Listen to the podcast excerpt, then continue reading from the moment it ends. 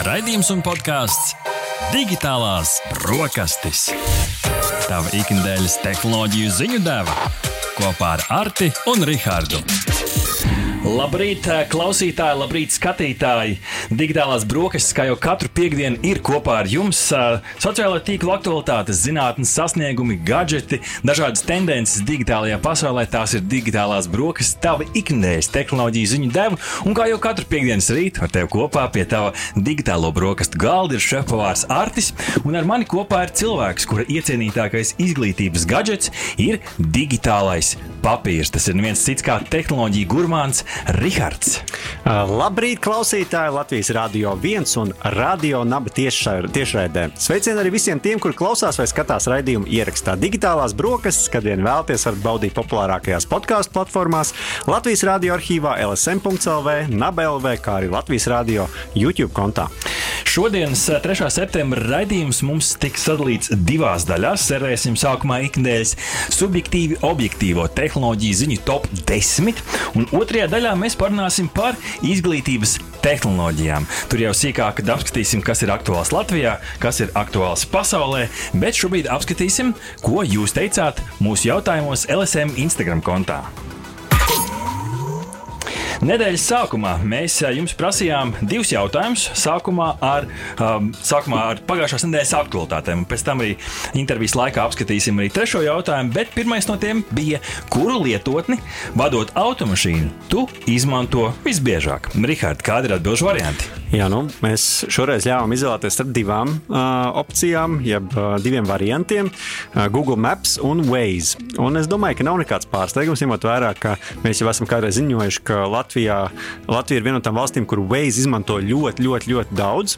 Uh, tad 76% no mūsu LSM Instagram uh, sekotājiem uh, ir norādījuši, ka viņi izmanto Waze. Google Maps savukārt attiecīgi 24%. Savādi tas attiecības starp Google Maps un Waze, jo no otras puses abas lietotnes ir Google piederošas. Google Maps ordināli beidz pēc tam pārpirkts, tā kā viena no otras jau beig beigās tās visas iespējas aizgūst. Otrs jautājums. Prasījām, no kā tu labprātāk saņemtu sūtījumu? No kurjera vai no drona? Tas kontekstā ar Wing eksperimentiem Austrālijā, kur jau simt tūkstoši veiksmīgas piegādes, Rikārd, tā laikam bija. Šķiet, ka tā bija, un viņi gribēja paplašināt to tīklu arī ārpus Austrālijas. Nu, lūk, tad, tāds jautājums, un šķiet, ka šeit tā pieredze tomēr ņem virsroku. Droši vien, ka, ja mēs jautātu, kurš no jums ir saņēmis sūtījumu no drona, visdrīzāk, nu, varbūt liel, absolūtais vairākums teikt, ka nav saņēmuši. Un tas varbūt arī atspoguļojas šajā aptaujā, jo 72% no jums saka, ka vislabprātāk jūs saņemat sūtījumu no kurjera. Savukārt par dronu piegādēm ir 28%. Ziņa numur viens. Pirmā ziņa digitālajās brokastīs tehnoloģiju uzņēmums Microsoft ir paziņojis, ka 5. oktobrī savu debiju oficiāli piedzīvos jaunā Windows 11 operētāja sistēmas versija. Tā būs pieejama kā bezmaksas atjauninājums visiem legāliem Windows 10 operētā sistēmu īpašniekiem, kuru datori būs pietiekami jaudīgi. Atjauninājumi nāks viļņveidīgi, kā ziņo TheVerge.com, kā pirmajam to saņemot jaunākām un tehniski atbilstošākām ierīcēm. Visas ierīces, kurās varēs ieinstallēt Windows 11, saņem šo atjauninājumu līdz 22. gada vidum. Oktobrī gan vēl nebūs pieejama viena no lielākajām un gaidītākajām funkcijām, tas ir Android lietotņu atbalsts datorā, kas parādīsies turpmāko mēnešu laikā. Neskatoties uz to, Windows 10 izceļas ar jaunu dizainu, iespējams uzlabot multitasking darbību un labāku Microsoft lietotņu veikalu, to gan mums vēl būs jānotestē. Noteikti jums daudziem ir jautājums, kā zināt, ka Windows 11 būs pieejams un ir derīgs manam datoram. Pirmkārt, jau Windows 10 parādīsies paziņojums par pieejamo atjauninājumu. Lai noskaidrotu, vai dators ir tehnoloģiski gatavs šim atjauninājumam, to var pārbaudīt vai nu Windows Update šajā programmā, kas jums jau ir noteikti Windows datorā, vai arī izmantojot Microsoft PC Health Check lietotni. Microsoft ir atklājis, ka minimālais prasības Windows 11 darbībai ir vismaz. Tagad būs pāris sarežģīti skaitļi, bet ar šiem jūs varat pārbaudīt, vai atbilst jūsu datoram. Pirmkārt, 64 bitu sistēma, to jūs varat pārbaudīt pie My Computer Properties iestatījumos, vismaz gigahertz processors ar diviem vai vairākiem kodoliem, 4 gigabaitu RAM, jeb operatīvā atmiņa, 64 gigabaiti ir jābūt pamatatmiņā, un mātes platē ir jābūt TPM, jeb Trusted Platform Module čipam. Šo noteikti būs grūtāk pārbaudīt, bet visticamāk vairumam jau šādi čipi mūsdienās ir. Windows 11 varēs ieinstalēt arī vājākos datoros ar ISO failu palīdzību, taču pastāv risks nesaņemt atjauninājumus. Un tie, tie, kas negrasās pāriet uz Windows 11, Windows 10 turpinās saņemt atjauninājumus līdz pat 2025. gada 14. oktobrim. Rihard, vai tu gaidi jauno Windows 11, vai arī bīsies kā no vistas? es, tur jau ir tas stāsts, vai ne, ka tur, kā tur tās paudzes, viena labi, tad kā slikta, tad kā labi, tad kā slikta, un tad kā nu sanāk, 11. bija jābūt kaut kādam sliktajam, vai ne? Bet kas to zina? Es domāju, ka, es domāju, ka kā jau visos gadījumos, nu, neizbēgama lieta, un tie, kas lieto šo ekosistēmu, droši vien ar laiku pāries uz to. Līdz ar to es gaidu drīzāk to ar tādu piesardzīgu interesi, nu kā tad būs, jo droši vien nekur jau nesprukšu, būs jālieto. Ziņa numur divi. Piegādes platforma Volt līdz šī gada beigām Latvijā, Lietuvā un Igaunijā plānā, plāno atklāt virtuālo veikalu tīklu Volt Market. Atšķirībā no, piemēram, e-rimī, Barbora un līdzīgiem veikaliem, klātienes pārtiks veikalu darbības Volt Market gadījumā tiek veidots tirzniecības tīkls, kurā veikali darbojas kā noliktavas. Tie tikai pieņem pasūtījumus, kurus var veikt caur tiešsaistes lietotni, klātienes uh, tirzniecībai nenotiekot. Volt Market tiešsaistes veikalu darbību platforma jau ir izmēģinājusi Somijā un Grieķijā, kā arī drīzumā uh, bez Latvijas plāno to izvērst arī Čehijā, Polijā un Dānijā. Savukārt, kā noskaidroja digitālās brokastis, konkurējošā Bolt Food platformā arī norit darbs pie Bolt Market izveidošanas.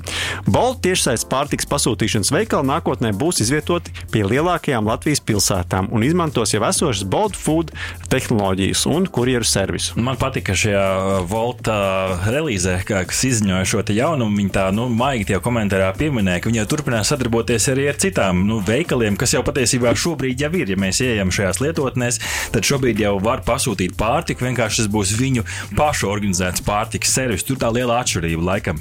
Bet, ja mēs paskatāmies lielajā bildē, tad jau tevis pieminētie e-rīmī, Barbara un tam līdzīgi servisi eh, jau šobrīd patiesībā ir tieši konkurenti. Labi, viņiem varbūt nav šī izvēle caur lietotni, bet šobrīd jau var pasūtīt arī caur mājaslapām. Līdz ar to man šķiet, ka mēs nu, drīz tam tirgum ir jābūt piesātinātam, esot tik daudz eh, piegādātājiem. Nu jā, bet te ir vienmēr tas jautājums, eh, ka bieži vien mums patīk visu izdarīt vienā lietotnē. Iespējams. Un tad, eh, ja kāds jau ir kādas no šīm platformām klients, iespējams, ka viņš labprāt arī pasūtīs citas lietas, kas nu būs pieejamas. Ziņa numur 3. Mūzikas un eh, podkāstu platforma Spotify sāk piedāvāt saviem lietotājiem jaunu mūzikas klausīšanās sarakstu funkciju ar nosaukumu Blend. Tā ļaus diviem Spotify lietotājiem sapludināt savu muzikālo gaumi vienā sarakstā. Līdzīgi kā tas jau bija pieejams Family Mix uh, koplietotajās mūzikas uh, sarakstos. Un par to mums ziņo TechCrunch.com. Atšķirībā no Family Mix, Blend būs pieejams kā maksas, tā arī bezmaksas Spotify lietotājiem. Izveidojot kopīgas mūzikas klausīšanās sarakstus, lietotāji ir uzzinās, cik ir līdzīga abu personu muzikālā gauma. Tajā brīdī, kad mēs Rihard izveidosim šo te blend sarakstu, mums Spotify parādīs procentuālu novērtējumu, cik tad mums ir līdzīga šī gauma, un mums arī parādīs dziesmas, kas mūsu ikdienā varētu vienot, nevis šķirt. Blend būs pieejams Spotify Made for You sadaļā, uzspiežot Create Blend Blend un uzaicinot konkrēto draugu izveidot mūzikas klausīšanās sarakstu. Rihard, es ļaušu tev minēt, kas būs dziesma, kas vienos mūs. Nu, droši vien tas, tas ir labs jautājums. Es domāju, ka noteikti kādi populārākie latviešu mākslinieki, kaut kas droši vien arī no rādio un abas repertuāra mūs varētu vienot noteikti. Dons un es piedzimis bērns?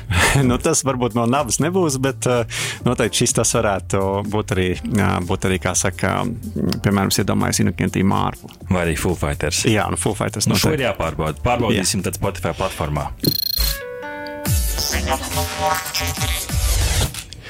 Latvijas tirgū darbību šī gada rudenī uzsāks Eleport elektroautorāta uzlādes tīkls, piedāvājot lietotājiem maņstrāvas uzlādi līdz 22 kW ātras uzlādes stacijas, kā arī ultra ātrās uzlādes stacijas ar uzlādes ātrumu, kas ļaus 5 minūšu laikā iegūt 100 km no, nobraukumam nepieciešamo elektrības daudzumu. Papildu uzlādes staciju ierīkošanai Eleport piedāvā arī uzņēmējiem pievienot jau izveidotas uzlādes stacijas Eleport tīklam un izveidot jaunas. Nākotnē Eleport plānojot arī piedāvāt elektroautorāta īres pakalpojumus. Savukārt, kā raksta kursors.lv, pārskatāmā nākotnē Tesla savas supercharger uzlādes stacijas izvietos Rēzeknē un iespējams arī Salaspilī.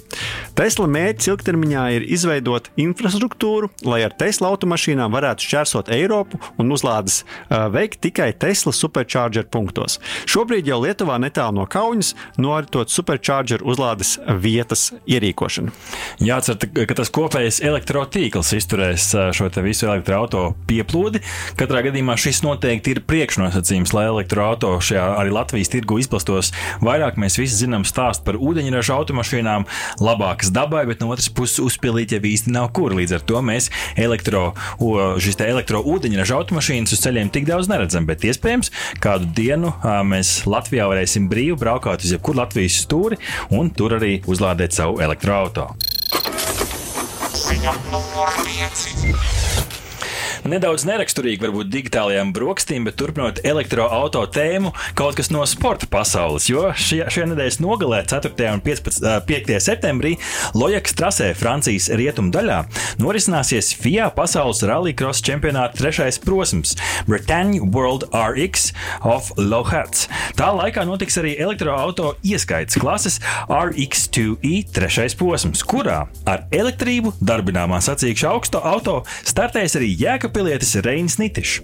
Un tagad uh, citēju Reinu Nitišu. Pirms pāris mēnešiem radās izdevība izmēģinot šo elektroautorātu, un varu teikt, ka sacīkšu braukšanā tas nemaz tik ļoti neatšķiras no man ierastākajiem sporta spēkratiem. Pozitīvi iespēju atstāja arī RX2E mašīnas vadāmība. Protams, pārņem nedaudz dīvainas izjūtas, kad pirms starta automašīnā sēdi pilnīgā klusumā, bez ātruma pārslēga un tikai diviem pedāļiem. Apzinos, ka testi nav salīdzināmi ar sacensībām, un kaujas apstākļos nāksies apgūt daudz jaunu nianšu, kā arī būs daudz mazu sīkumu, pie kuriem būs jāpierod un jāspēj adaptēties. Nu, redz, Rihard, iespējams, ka šī tendence par elektroautomašīnām mūs pārņem ātrāk nekā mēs apjaušam. Šobrīd jau sacīkstēs, jau elektroauto jau ir realitāte. Nu, jā, mēs jau atceramies arī mūsu pašu uh, elektroauto guru uh, Dambis, jā, ar savu mašīnu piedalījās uh, arī Paikspīks uh, sacensībās, kur uh, nu, piloti ieguva arī labākās, labākos rezultātus, tā skaitā sacenšoties ar iekšdedz zinēju mašīnām. Tā kā mums jau Latvijā ir pieredze ar šo, un mēs zinām, mērā esam tādi kā pionieri pasaules līmenī. Pirmā daļa no digitālajām brokastīm būs apēsta. Nodosimies muzikālam baudījumam. Godlike. Ziņa numur 6. Gārmin Baltijas, Baltijas valstīs ir laidis klajā suņu izsekošanas un dresūras, dresūras ierīci Alfa 10 aktīvās atpūtas piekritējiem un viņu suņiem. Mazā izmēra ierīce ļauj suņus izsekot un dresēt ar skaņas un vibrācijas signāliem. Ierīces komplektā ir rācijai līdzīga iekārta suņa īpašniekam un izsekošanas raidītājs suņa kakla siksnā. Izsekošanas iekārta uz ekrāna ar bultu rāda virzienu, kurā suns atrodas. Tā spēj izsekot un dresēt līdz pat 20 suņiem vienlaikus. 14,5 km attālumā. Vairākus suņus ir iespējams dresēt vienlaikus no vienas vadības ierīces, kas ir 160 gramus smaga un 6,6 cm gara. Iekārtai esot baterija, kas nodrošina 40 lietošanas stundas, un IPX72 ūdens izturības līmenis.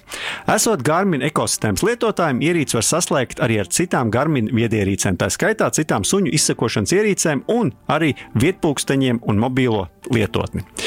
At, atšķirībā no tādām lietu izsekošanas ierīcēm kā Apple AirTag un Samsung Galaxy SmartTag, Alpha 10 darbojas ar GPS palīdzību, un tai blakus nav jābūt citām ekosistēmas ierīcēm. Suņu izsekošanas ierīce, protams, vairs nav jaunums tirgu, taču tā Latvijas tirgu konkurēs ar tādām ierīcēm kā Tractive un Dogtrace. Ar šīm izsakošanas ierīcēm vienmēr ir labs jautājums, ko vēl ar šo ierīci var izdarīt. No vienas puses var izsakot sunīti, un varbūt var uh, uzlikt arī savai otrai pusītei un paskatīties, vai viņi tiešām aiziet uz veikalu, vai arī uzlikt kaķītim, lai viņš varētu um, patīkami pastaigāties ārā par, pa, pa pagalmu un nav jāuztraucās, kur tad kaķītis beigās ir pazudis. Nu jā, izsakošanai droši vien var izmantot jautājums, kā tāda resursa strādās tādā gadījumā. Nu, jā, ja tev vibrē kabatā kaut kas un pīkst, sadzinu, varbūt tu saliksies, bet uh, sunim iespējams kaut kādi uh, triki būs jāizspēlē. Būtu interesanti notestēt šo uz uh, kādu īstu sunīti un paskatīties, ko tad par šo saka kinologi. Cik tad labi var dresēt suni ar vi vibrācijas palīdzību, jo mums nu, tā vibrācijas uztvere ir vienā veidā, vai suņiem ir līdzīgi. Ziņa numur septiņi. Kā raksta TheVerge.com, tad uh, izklaides platforma Netflix ir uzsācis Polijā testēt video spēļu servisu, piedāvājot abonētājiem caur mobilo lietotni izmēģināt divas spēles - Stranger Things uh, 1984 un Stranger Things 3. Kā gan izcēla platformas pārstāvis uh, šajā reģionā, tad uh, šis servis vēl ir tajā ļoti agrīnajā stadijā. Un šeit man ir jāpastāsta nedaudz vairāk, jo patiesībā izklausās nedaudz labāk nekā ir realitātē. Vismaz šobrīd. Spēles parādīšoties kopējos sarakstos kopā ar filmām šajā mobilajā lietotnē. Uzspiežot uz tām, tiks atvērts lietotņu veikals, kur šīs spēles varēs lejupielādēt, un, piemēram, Android gadījumā Google Play Store.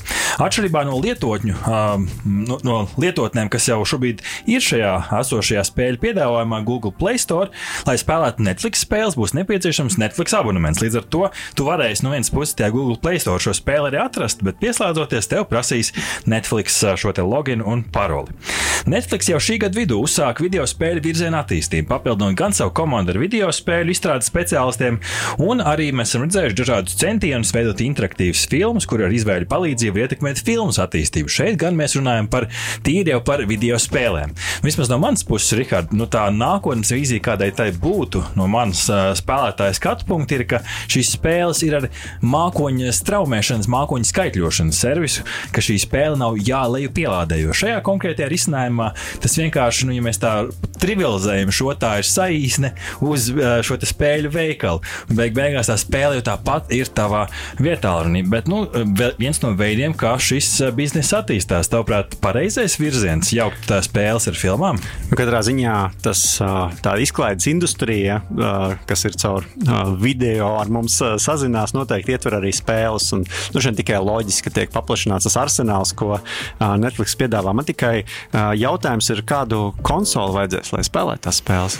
Ja mēs ņemam analoģiju, piemēram, ar Google Stadia un ar to pašu Xbox, kur patiesībā šobrīd jau arī Google, arī Apple, arī Xbox un gan jau arī Sony strādā pie tā, lai veidot šos te, s- tiešām mākoņu skaidrošanas risinājumus, un, piemēram, Xbox Game Pass risinājumā, tu vari uz savu vietāluņu spēlēt spēli, un tev rokā ir Xbox kontrolieris, kas ir savienots ar Bluetooth savienojumu. Iespējams, arī būs līdzīgi Netflix gadījumā, kādu dienu, kur tev pa vidu ir kāda iespējams maza ierīce, kas nu, ļauj tavam televizoram saprast, ko tu spied, un kas padod tālāk signālu uz serveri, kas par mežonīgu ātrumu, Rihard. Ne, mēs par datu centriem, par serveriem tieši grasāmies parunāt. Tā kā būs viens no jautājumiem, vai tad mēs Latvijā arī esam gatavi šādam servisam, to mēs visu vēl uzzināsim nākamajās digitālajās brokastīs.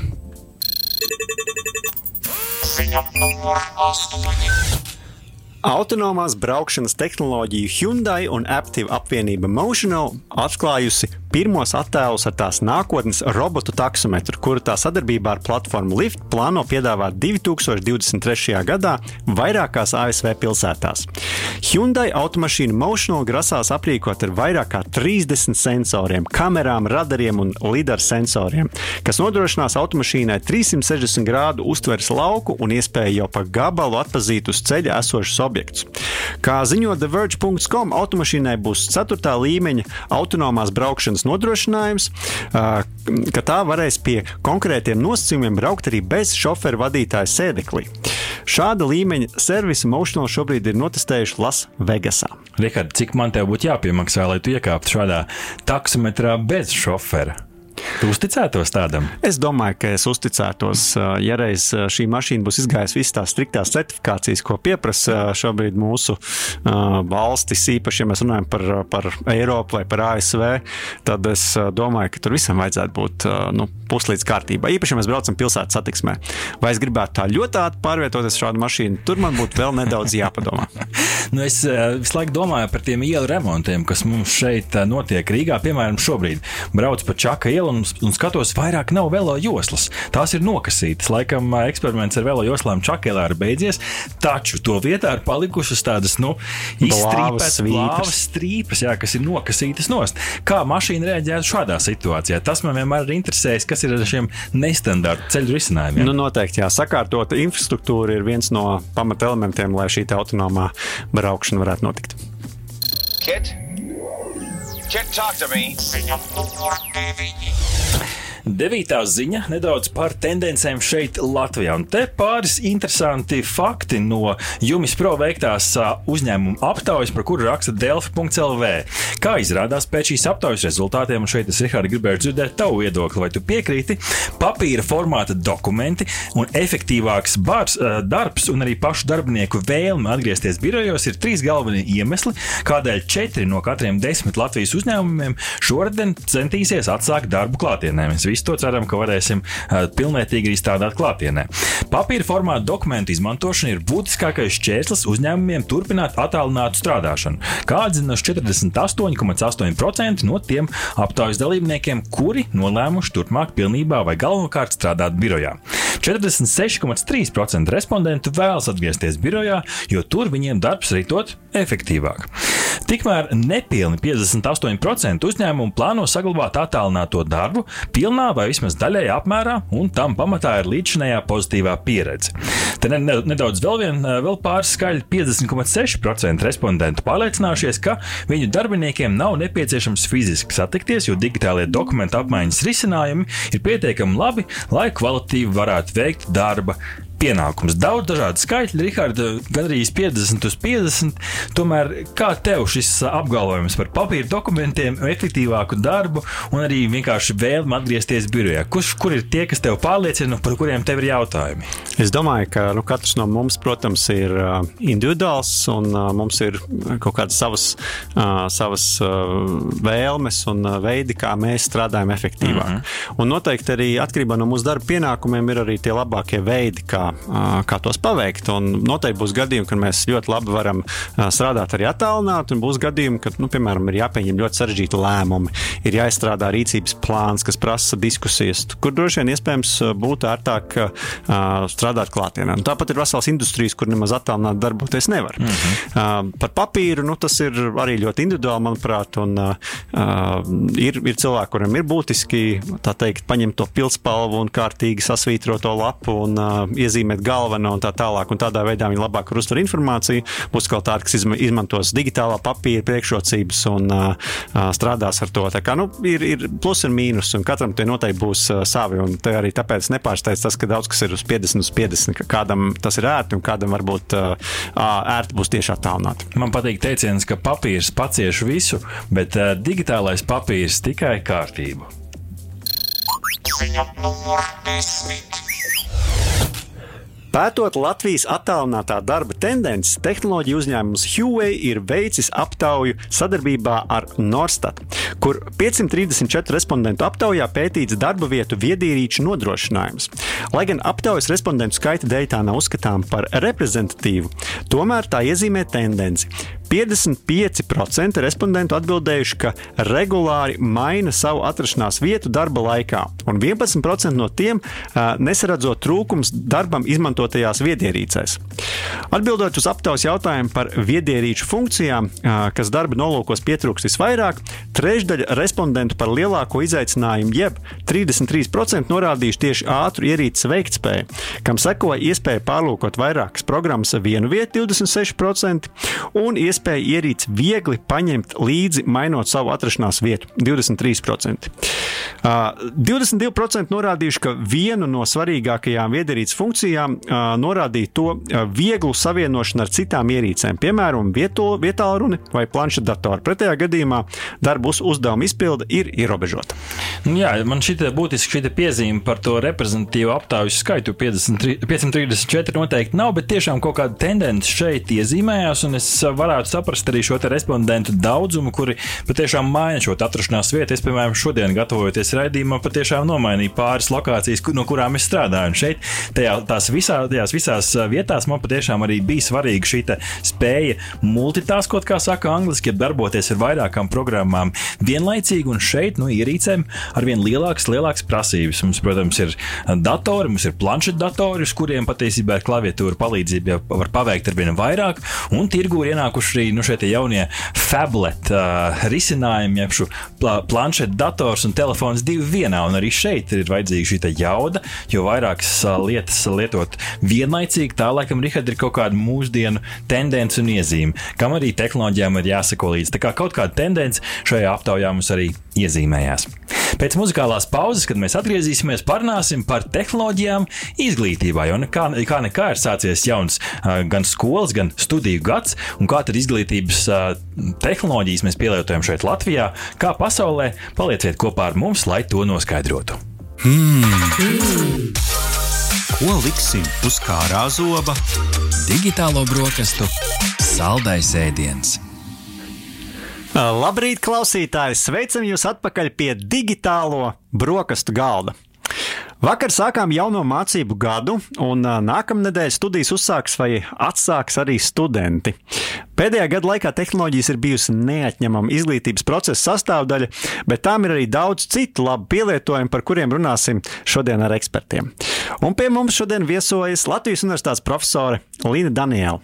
Labrīt! Labrīt. Kā arī izglītības uzņēmuma lielvārds vadītājs Andris Gribusts. Labrīt, Andri! Labrīt! Sākumā nedaudz ieskicētu to lauku vispār, kas ir un kas nav izglītības tehnoloģijas. Manuprāt, ir kaut kādā veidā ar piemēriem jāpaskaidro gan arī man ar Rihardu, gan arī mūsu klausītājiem, kas tad ir izglītības tehnoloģijas un kas tās nav. Un, piemēram, vai vietālunis man šeit priekšā ir izglītības tehnoloģija, vai arī tas ir daudz, kaut kas daudz specifiskāks. Varbūt Linda varētu izpalīdzēt šajā jautājumā un ieskicēt ar kādiem piemēriem, kas varbūt ir uzskatām par izglītības tehnoloģiju un kas varbūt tomēr nebūs izglītības tehnoloģija. Tā pirmā doma, kas ir, ir tā specifiskā grupa eh, tehnoloģijas, kas ir radītas mērķiecīgi domājot par izglītību. Savukārt, plašākā nozīmē vietālrunis arī ir izglītības tehnoloģija, jo mēs ar viņu varam darīt kaut kādas mācību aktivitātes. Dators ir izglītības tehnoloģija. Um, jebkas, ko mēs varam iesaistīt mācību procesā, nu, piemēram, tajā pašā telefonā, mēs varam ielikt aplikāciju, kura palīdz mums, nu, piemēram, nomērīt attālumu vai atzīt augu, vai saprast, kā darbojās eh, kaut, kādas, eh, kaut kāda asinsvadu sistēma, vai, vai atrasties kaut kādā vietā, virtuālā vietā, pieņemsim uz tīgas mūra. Tas var būt jebkas. Andri, eh, kā mēs vispār varētu iedalīt izglītības tehnoloģijas? Mēs aptuveni no Līnas eh, teiktā varētu saprast un identificēt, kas tad ir un kas nav, kurš ir tas brīdis, kad mēs varam teikt, šī ir izglītības tehnoloģija. Kādās kategorijās mēs varam domāt par izglītības tehnoloģijām? Ir kaut kādas kastītes, kurā tu ieliktu tās. Jā, jā visnotaļ. Un uh, papildinot varbūt nedaudz arī Lindu, tad uh, arī manā skatījumā tās izglītības tehnoloģijas ir dažādas vai nu iekārtas programmatūras, nezinu, platformas, servisi, kas ir veidoti, lai atbalstītu un uzlabotu mācību procesu. Ja? Un, tās kategorijas, kurās, kurās, kurās iedalītu, būtu trīs.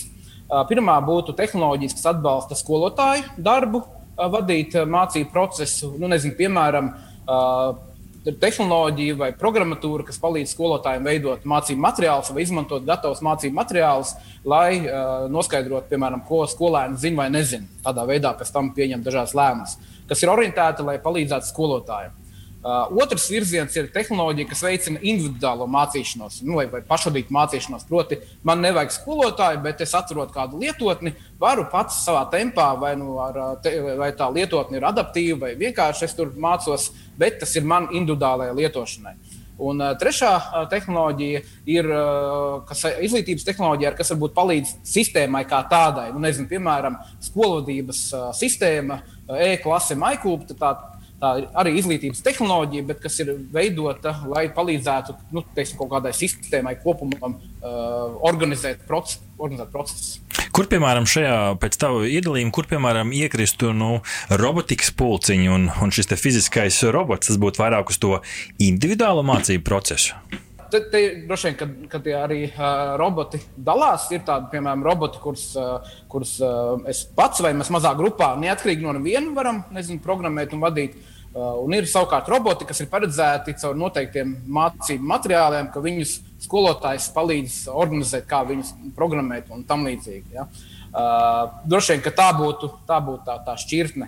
Vai man ir nepieciešams skolotājs, lai to tehnoloģiju izmantotu, uh, vai es to varu darīt individuāli, un tas robots uzreiz pielāgojas nezinu, manām darbībām, un, un man nevienu faktiski citu apkārt uh, nevajag.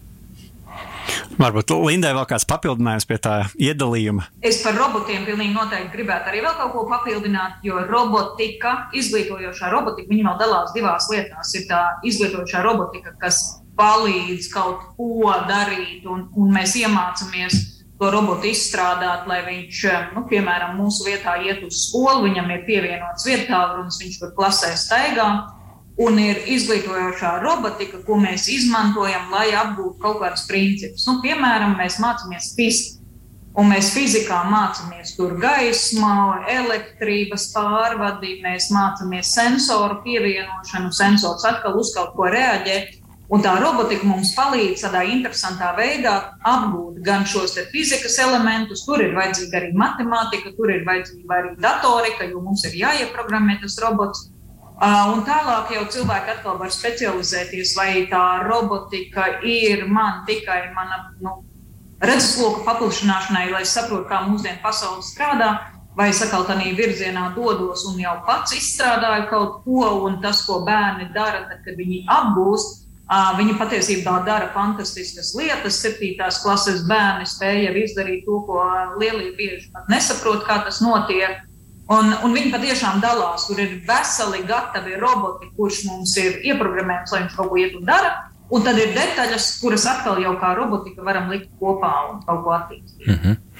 Gatavojoties šim raidījumam, man no vienas puses iešāvās prātā tāds varbūt nedaudz filozofisks jautājums, un tas ir, vai šīs nosacīt izglītības tehnoloģijas, ar kurām es skolā strādāju, kas bija patiesībā diezgan analogas grāmatas, rotiņu burtnīcas, krītainas tāfeles, kas bija jātīra ar slapju švami, vai tās līdz ar tehnoloģiju ienākšanu izzūd. Un tāpēc mēs prasījām nedēļas sākumā Riharda LSM Instagram storijos, jeb šajos stāstos, pāris jautājumus, tā skaitā vienu jautājumu arī saistībā ar izglītības tehnoloģijām. Un kāds, Rihard, bija jautājums un atbildžu rezultāti? Jā, nu jautājums bija, vai tavuprāt tehnoloģijas izglītībā palīdz vai novērš uzmanību? Un, starp citu, lielākais vairums, 70% no mūsu aptaujātajiem, teica, ka tās palīdz, respektīvi, rada pievienoto vērtību. Savukārt 30% teica, ka tās novērš uzmanību. Nu, kāds varbūt būtu jūsu komentārs par šādām atbildēm? Man gribētos teikt, ka Instagram lietotāji ir viena konkrēta grupa, kas jau lieto kaut ko. Tātad viņi noteikti domā, ka tas palīdz, bet tur nav, protams, tik viennozīmīgi. Ir arī cilvēku grupa, kas uzskata, ka tas tomēr nepalīdz un tas ir traucējoši.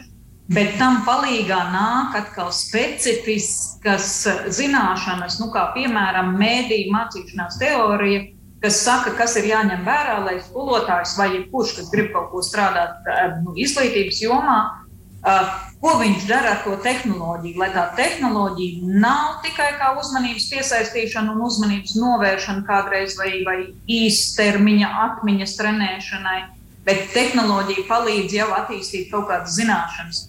Un, un tāpēc nu, mēs nevaram pateikt, vieni vai otri vārti ir pareizi. Tur vienkārši nāk klāt tā ideja, kā mēs to darām.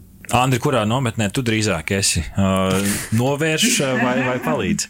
Mums jāatcerās, ka tehnoloģijas, protams, pašas par sevi nenovērš, ne, nepalīdz. Bet uh, tas uh, veids, protams, uh, kā, cik mērķiecīgi un jēgpilni mēs viņus izmantojam. Un, uh, skatoties uz arī uz pārmaiņām izglītībā un tehnoloģiju jomā mēs eh, noteikti nedrīkstam nu, teiksim, skat, izslēgt izglītību no pārējās jomas, jo, jo tehnoloģijas mums ienāk jebkurā jomā ja mēs atceramies, nezinu, kāds zobārstniecības kabinets bija pirms uh, 20 gadiem un kāds ir tagad, tad tās ir, nu, es gribētu teikt, pilnīgi divas dažādas, dažādas, uh, dažādas pasaules. Un, un arī, teiksim, izglītībā.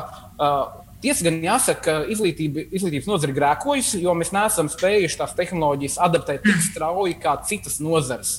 Bet es domāju, ka arī uh, tāpat Covid un pandēmija ir pastūmusi izglītību nu, gadiem uz priekšu tieši tehnoloģiju izmantošanā. Un, un šis ir tas brīdis, kad mēs varam patiesi uh, skatīties to pieredzi, kas ir iegūta tagad, uh, esošās tehnoloģijas, un, un, un tomēr mērķiecīgi. Uh, efektīvi izmantotās tieši mācīšanās uzlabošanā. Jā, noteikti tālākajā sarunā arī aprunāsimies par to pieredzi, kāda ir šeit pie mums Latvijā. Bet pirms tam varbūt uh, iziešu cauri tiem veidiem, ko jūs jau arī zināmā mērā nosaucāt. Uh, nu, pirmais, es gribēju uh, Lindai pajautāt, uh, kas ir populārākās mācīšanās vadīšanas sistēmas un, un kādi ir tu iegūmi, varbūt kāds piemērs un, un tie galvenie plusi. Uh, mācīšanās vadības sistēmas eh, ar domu, vai mācīšanās platformas ir doma, vai, vai ko tādas. Eh, nu, tas varbūt tās sistēmas, kas palīdz varbūt skolvadībā un arī, teiksim, nezinu, droši vien uzdevumu uzdošanā un rezultātu apkopošanā un tā tālāk. Uh, nu jā, nu mums jau ir šis tas, kas mums ir izdarīts, uh, kuras, kuras darbojās, un ir lietas, kas mums vēl nav tik labi. Es teikšu, ka mums netik labi vēl Latvijā darbojās tas saucamais. Uh, mācīšanās analītikas joma, kur mēs datus varētu apkopot, tas, protams, arī ir dārgi un tas nav tik vienkārši izdarāms. Mums ir, es teiktu, ļoti labas iniciatīvas ar platformām, ar mācību materiālu izstrādi, Soma LV, uzdevumi LV, Fizmiks. Mums ir, mums ir viena fantastiska iniciatīva, ko es arī gribētu vienmēr pieminēt, ir Solfeggio, Mūzikas akadēmijas studentu radīta vietne, kur var mācīties mūziku. Tas ir, tas ir labi, ja par Viņš saucās uh, Angļu Planning Management Systems un Latvijas viņš visi iedzem mācību platformām kopā, bet tā e-klase mums ir, es teiktu, arī viens labs risinājums, kas ir izveidots Latvijā. Mm -hmm. Andri, tev bija ko papildināt? Jā, es tieši gribēju papildināt arī Lindu, ka tieši tie, tie iegūmi arī no, no šīm mācību vadīšanas sistēmām ir tas, ko arī izglītībā mēs tik daudz neesam izmantojuši, neesam spējuši iegūt, ir dati reālajā laikā. Mm. Proti, tas, ka mums ir gan mācību saturs, gan arī uzdevumi, jautājumi, uz kuriem skolēni atbild, atbild reālā laikā, tas dod ļoti plašu datu apjomu, no kā attiecīgi mēs varam uh, uzreiz redzēt. Gan skolēns pats var redzēt, kā viņam veicās ar mācību satura apguvi, gan arī skolotājs var precīzi redzēt, kā klasē kopumā veicās, kā, kas ir individuāli, ja, vai, vai teiksim, kāds krīt ārā, un viņam ir jāpalīdz tieši tam konkrētajam bērnam. Uh, proti, tas lielākais iegūms no, no šīs, šīm tehnoloģijām ir dati, reālā laika dati, kurus tad attiecīgi uh, mēs visi varam, varam, varam izmantot, un kas ir nu, ļoti būtiski, uh, lai mēs varētu šo mācību procesu arī nu, veiksmīgāk virzīt. Mm -hmm. nu jā, tā tad arī datos balstīt šī skolvadība. Bet gribēju vaicāt, Lindai jau pieminēja, tika pieminēti uzdevumi LV, Fizmiks un cits, cits platformas, kurās ir šie digitālie mācību līdzekļi. Kādi parametri raksturo kvalitatīvu digitālo mācību līdzekli? O, to mēs varētu parunāt. Tur ir daudz, mums ir vairāk kritēriju, mēs esam izstrādājuši. Tā tad ir tā izglītojošā vērtība vai šis tehnoloģiskais risinājums palīdz sasniegt, un tur mēs atkal dalām kritērijos. Ir, viņš palīdz uzlabot zināšanas, tad viens, un tad mēs mēram pēc zināšanu kritērijiem, uzlaboja, padziļināja, paplašināja, ātrāk piekļuva. Otra kritēriju grupa ir, vai šis tehnoloģiskais risinājums nodrošina piekļuvi zināšanām. Un tur mēs atkal varam skatīties piekļuve visiem piekļuve, vai tikai tiem, kam ir labs internets, vai tikai tiem, kam nav speciālās vajadzības, jo digitāliem mācību līdzekļiem arī ir tā problēma, ka viņi bieži vien ir orientēti uz uh, tādu standartu cilvēku. Bet, ja cilvēkam ir kaut kādas speciālās vajadzības, piemēram, krāsu uztveres specifiskās vajadzības, tad digitālajie līdzekļi bieži neļauj pārslēgties.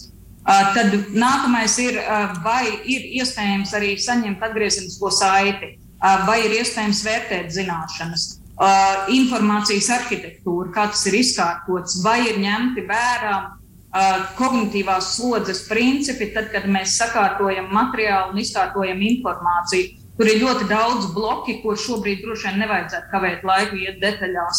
Tad paturpinot šo jautājumu par dažādiem veidiem, Andrim vaicājums, kādas ir populārākās fiziskās tehnoloģijas, tātad ierīces, ko skolēni izmanto? Nu, tur var būt gan tās, kas ir ar ekrānu, gan arī bez ekrāna digitālās tehnoloģijas. Nu, viennozīmīgi to, ko droši vien mēs visi redzam savā ģimenēs, tad visdrīzāk tas, tas vislieto, vislietotākā ierīce ir tas vietālrunis, kuru tad visbiežāk biežāk eh, nu, izmanto, izmanto jauniešu bērnu komunikācijai, nezinu, Instagram, TikTok un, un, un, un, un uh, sociālai tīkli, WhatsApp un tam līdzīgi. Bet uh, domājot par izglītību, uh, ļoti svarīgi, ka, ka mēs šo iekārtu uzsveram kā nu, mācību līdzekli kurš ir paredzēts mācībām, nu, ar attiecīgi ar visām nepieciešamajām lietotnēm. Un, un šeit visticamāk, tas, tas vēlamais ceļš, kur mēs ejam, kad tas vai nu portīvais dators vai savu veidu planšdators ir ja skolēnam, jaunietim, kā tas viņa mācību līdzeklis. Ar kuru eh, viņš, eh, viņš, viņš, viņš mācās. Un, un eh, varbūt šajā, šajā mācību procesā ļaut izvairīties no tādas gluži izklaide un, un, un, un, un, un, un citas, citas darbības, no koncentrēšanās tieši nu, mācību procesam. Iespējams, ka manam nākamajam jautājumam ir nepieciešams pat vesels pētījums, bet ja mēs tā kopumā novērtējam situāciju Latvijā, cik tālu mēs esam no tā, lai vispār atteiktos no grāmatām, no burtnīcām, no darba materiāliem, kas ir fiziskā formātā, ka visi šie materiāli ir tev priekšā ekrānā vai nu portīvajā datorā vai planšetē. Protams, Covid laiks parādīja to, ka šā, šādi risinājumi patiesībā gan jau daudziem ir, bet ja mēs skatāmies uz situāciju kopumā, ja mēs pieņemam, ka, mēs, ka skolas atgriežas klāt klātienes šajā izpildījumā. Cik tālu mēs vispār esam no tā, lai skolēniem vairs nebūtu smagās somas? Es nezinu, kurš labāk no jums var uz šo atbildēt. Andri? Jā, tā tad, lai, lai, mēs, lai mēs tur nokļūtu, ir svarīgs trīs, trīs, trīs būtiski elementi. Viens tāds saturs, digitāls mācības saturs, kur es gribētu teikt, ka gan līdz Covidam, gan arī, protams, Covid laikā mums ir radies ļoti, ļoti daudz plaša satura Eh, kas, es gribētu teikt, noklāja lielu daļu, ne visu, protams, ne visu, bet lielu daļu no mācību satura. Otrs ir te, rīks, ar kuru es to varu darīt ierīce, lai skolēnam ir ar ko strādāt. Un, un šeit ir mums ļoti tāls ceļš ejams. Uh, un, un trešais ir uh, nu, digitālā pratība, kas ir gan pedagogam, gan skolotājam, uh, lai to visu arī, arī darītu. Mēs neesam ļoti tālu, bet vēl ir savs ceļš ejams. Linda, kāds tavs redzējums par šo? Es, Es tikai papildināšu, ka um, vēl ir vajadzīga arī tā digitāla pedagoģiskā pratība. Tas nozīmē to visu, ko mēs redzam, paņemt un izmantot. Un mums ir viens fantastisks projekts izdevies, saucam mēs viņu par digiklasu, un mēs apkopojam visu, kas Latvijā ir pieejams. Un mums ir pieejams ļoti daudz, bet tad, kad mēs sākam uz tiem materiāliem skatīties, tad tur mums joprojām ir vajadzīga klātiene, pedagoģiskā klātiene. Darbs, lai būtu lai bērni varētu ar to strādāt. Un, un, bet atgriežoties pie jautājuma sākuma, tas ir diezgan filozofisks. Es negribētu teikt, ka mēs aizmirstam grāmatas, grāmatām joprojām ir vērtība bet arī digitālām lietām ir liela vērtība, ko mēs neesam atklājuši. Lindai gribēju pavaicāt, mēs esam viena no pirmajām valstīm uh, Eiropā, kur uh, robotika ir kļuvusi par obligātu vispārējās izglītības sastāvdaļu. Nu, kā tas ir mainījis uh, šo? Skaidrs, ka tagad ir bijis kaut kāds laiks attālināt, kad ir bijis iespējams grūtāk šo īstenot, bet tomēr kā tas ir, kā tas ir mainījis to robotikas vietu mūsu izglītībā? Es par šo nu ziņu ļoti priecājos, un tas man ļoti patīk, un ar to es lepojos visu savu starptautisko kolēģiju kolēģi priekšā es vienmēr šo pamanos izstāstīju, ka mēs esam tādi šausmīgi malači. Bet šausmīgi mainīgs tas vēl nav, tāpēc, ka tas ir tikai pats sākums. Mēs esam ceļa sākumā, mēs sākam to mācīt. Tas nozīmē, ka mums vēl nav pilnībā sagatavoti pedagogi, mums tas ir vēl jāsagatavo. Mums vēl nav pilnībā gatavi mācību materiāli. Mēs visi šobrīd liekam kopā fragmentu pa fragmentam. Bet lūk, šī robotika, mēs bieži vien to iztēlojamies, ka mēs tagad iemācīsimies vadīt robotu. Bet robotika nav vadīt robotu tikai un vienīgi. Robotika ir patiešām likt kopā sensorus, saslēgt sistēmas, programmēt. Tā ir aktīva mācīšanās. Un tas palīdz ļoti daudz un ļoti plaši. Iespējams, ka šī jau bija eh, daļa no atbildes uz manu nākamo jautājumu. Ja mēs skatāmies uz Latvijas situāciju un tehnoloģiju spilgtu pielietojumu, varbūt kā Andris šeit arī var iemest kādu piemēru. Tas jautājums ir, kas varbūt ir šobrīd tie spilgtākie piemēri, ko mēs esam redzējuši Latvijā, kur tehnoloģija pielietojums ir radījis tādu lielu pievienoto vērtību mācību rezultātos, ikdienas procesā, uztverē un tam līdzīgi. Andri, varbūt tev kāds piemērs? Tas, tas ko es varu padalīties, ir, ir kā viens no piemēriem mūsu kopējs projekts ar Liepājas pilsētu, kur ir tātad četrās, četrās Liepājas skolās, četrās mācību klasēs ar tehnoloģiju palīdzību, kur katram skolēnam ir tehnoloģija kā mācību līdzeklis un digitālo platformu Somu. Mēs uh, uh, veicinām, lai skolēni labāk apgūtu matemātiku 5. un 6. klasē. Un, un tas ir apjoms, uzdevuma apjoms, kas tiek izpildīts un, un, un, un, un, un, un kā tas mācību process notiek. Uh, tas, manuprāt, ir, ir, ir ļoti, ļoti nu, interesants un, un, un vērtīgs. Tāpat laikā arī citi, es nezinu, varbūt ne gluži piemēri, bet tas pats Anatomija Next, ja, ja mēs mhm. zinām, kas, kas ir kā jau kā globāls, globāls, globāls piedāvājums, kā labāk visā pasaulē studenti, jaunieši nezinu, mācās uh, anatomiju, medicīnu, bioloģiju. Manuprāt, tas arī Latvijai ir ļoti fantastisks, uh, fantastisks uh, solis un rīks. Varbūt Lindai ir kāds piemērs tieši no augstākās izglītības, kur mūsu tās tehnoloģijas ir tiešām top pasaules līmenī. Cik zinu, tad Tehniskā universitāte arī strādā diezgan daudz uz robotiku, kas par augstskolu viņi tieši par augstskolu inženieriju runā. Bet es varbūt tā mazliet globālāk, mēs dažreiz mēs esam savā vietā, mums liekas, ka, mums, ka visur pasaulē ir skaistāk un labāk. Bet šeit es gribu teikt, ka Latvijā pat ir ļoti labi. Goda vārds ir labi Daudzas lietas ir labi no digitālajām, jo Vācijā materiālus skolēniem joprojām sūtīja pa pastu Covid laikā. Nu, mums nu, nebija, nevienam pat neienāca prātā pa pastu sūtīt, meklēja kaut kādus platformu risinājumus. Jā, ir valstis, kur arī ir labi, ne tikai Latvijā ir labi, bet mēs noteikti nevaram sev bērt pelnus uz galvas un teikt, ka mums ir slikti, bet mums, protams, vienmēr ir kur iet tieši par tām pasauli arī gribēju pavaicāt noslēdzošo jautājumu. Uh, Linda, kādas ir tās galvenās izglītības tehnoloģija attīstības tendences pasaulē? Ja mums būtu tā jāiezīmē, kur mēs iesim, varbūt kāds top 3, uh, kas, kas mums visiem būtu jāņem vērā, ka tas varētu tuvāko piecu gadu laikā arī pie mums parādīties. Nu, es domāju, ka es nebūšu baigi oriģināli, bet manuprāt, mākslīgais intelekts ir tas, kas mums daudz ko vēl mainīs un daudz kas mums notiks tad es domāju, ka nevis no tehnoloģiju perspektīvas, bet no vispār no tehnoloģiju jomas perspektīvas būtiski ir iekļaujošās izglītības aspekti. Jo šobrīd mēs patiešām fokusējamies diezgan daudz uz, uz tādu nu, vidējo cilvēku, bet um, es gribētu, ka mākslīgā intelekta risinājumi palīdz piedāvāt arī kaut ko priekš speciālās izglītības. Vai cilvēkiem, kas mēs nesauksim par speciālo izglītību, bet viņam ir kaut kādas īpašās vajadzības.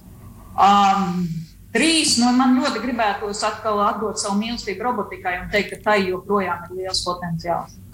Varbūt Andrim ir kāds papildinājums, kāda ceturtā vai piektā lieta, kas būtu jāpieliek vēl klāt. Manuprāt, eh, papildinot, eh, papildinot eh, tie lindu, es domāju, ka mākslīgā intelekta risinājumā aizvien vairāk parādīsies. Jo liela problēma arī, kas ir līdz šim, ko mēs runājam par datiem, ka nebija šo datu, bet tagad dati rodas, skolēni pild uzdevumus, un uh, mašīnām uh, ir vieglāk mācīties. Es domāju, ka šī adapt, adaptīvā mācīšanās, ka, uh, ka teiksim, programmatūras un, un uh, un sistēmas reaģē uz to, ko, ko, es, ko es kā skolēns atbildu, un man piedāvā nākamo līmeni, nākamo uzdevumu, izaicina mani, ka tas ir tas, ko mēs drīzumā uh, redzēsim. Un virtualitātes jā, vai virtualitātes nē, nākamajās, nākamajos piecos gados? Es balsoju par, saku jā. Es arī domāju, ka, ka noteikti ienāks. Šeit, gan, protams, ir vēl, ir vēl vieta, kur augt, jo virtualitāte ir ļoti labas iespējas nezinu, mācīties valodu, geogrāfiju, bet šeit ir vajadzīgs iekārts un atbalsts, lai satura veidotāji nu, būtu interesēti šīs mācības virtuālos scenārijus veidot. Tā kā es domāju, ka noteikti mēs pie tā nonāksim. Jā, nu, lūk, tā kā uh, gaidām arī virtuālo realitāti un papildināto realitāti, un kādas mums vēl viņas visas ir, uh, arī drīzumā mūsu izglītības iestādēs. Nu, paldies par šo ieskatu. Uh, izglītības uzņēmumu lielvārds vadītājs Andris Gribusts un uh, Latvijas Universitātes profesora Linda Daniela bija kopā ar mums uh, šorīt. Paldies jums! Paldies! Yes. Rihards, kas mums ir saldētavā uz nākamo nedēļu? Klausītāji, esiet kopā ar mums arī pēc nedēļas, kad kā ierasts iepazīstināsim jūs ar tehnoloģiju jaunumiem, kā arī ieskatīsimies mākonī, jebkur mūsdienās glabājas mūsu dati. Paldies, ka ēdāt savu rīta krosānu kopā ar mums. Mūzikas redaktors Girds Bišs, pierakstījis pults Arnolds Auziņš, raidījumu veidoja radionāba autori Artis Ozoliņš un Rihards Blese speciāli Latvijas Radio 1. Tu klausījies digitālās brokastis. Katru piekdienu no 10 līdz 11. Arī podkāstu formātā, populārākajās platformās.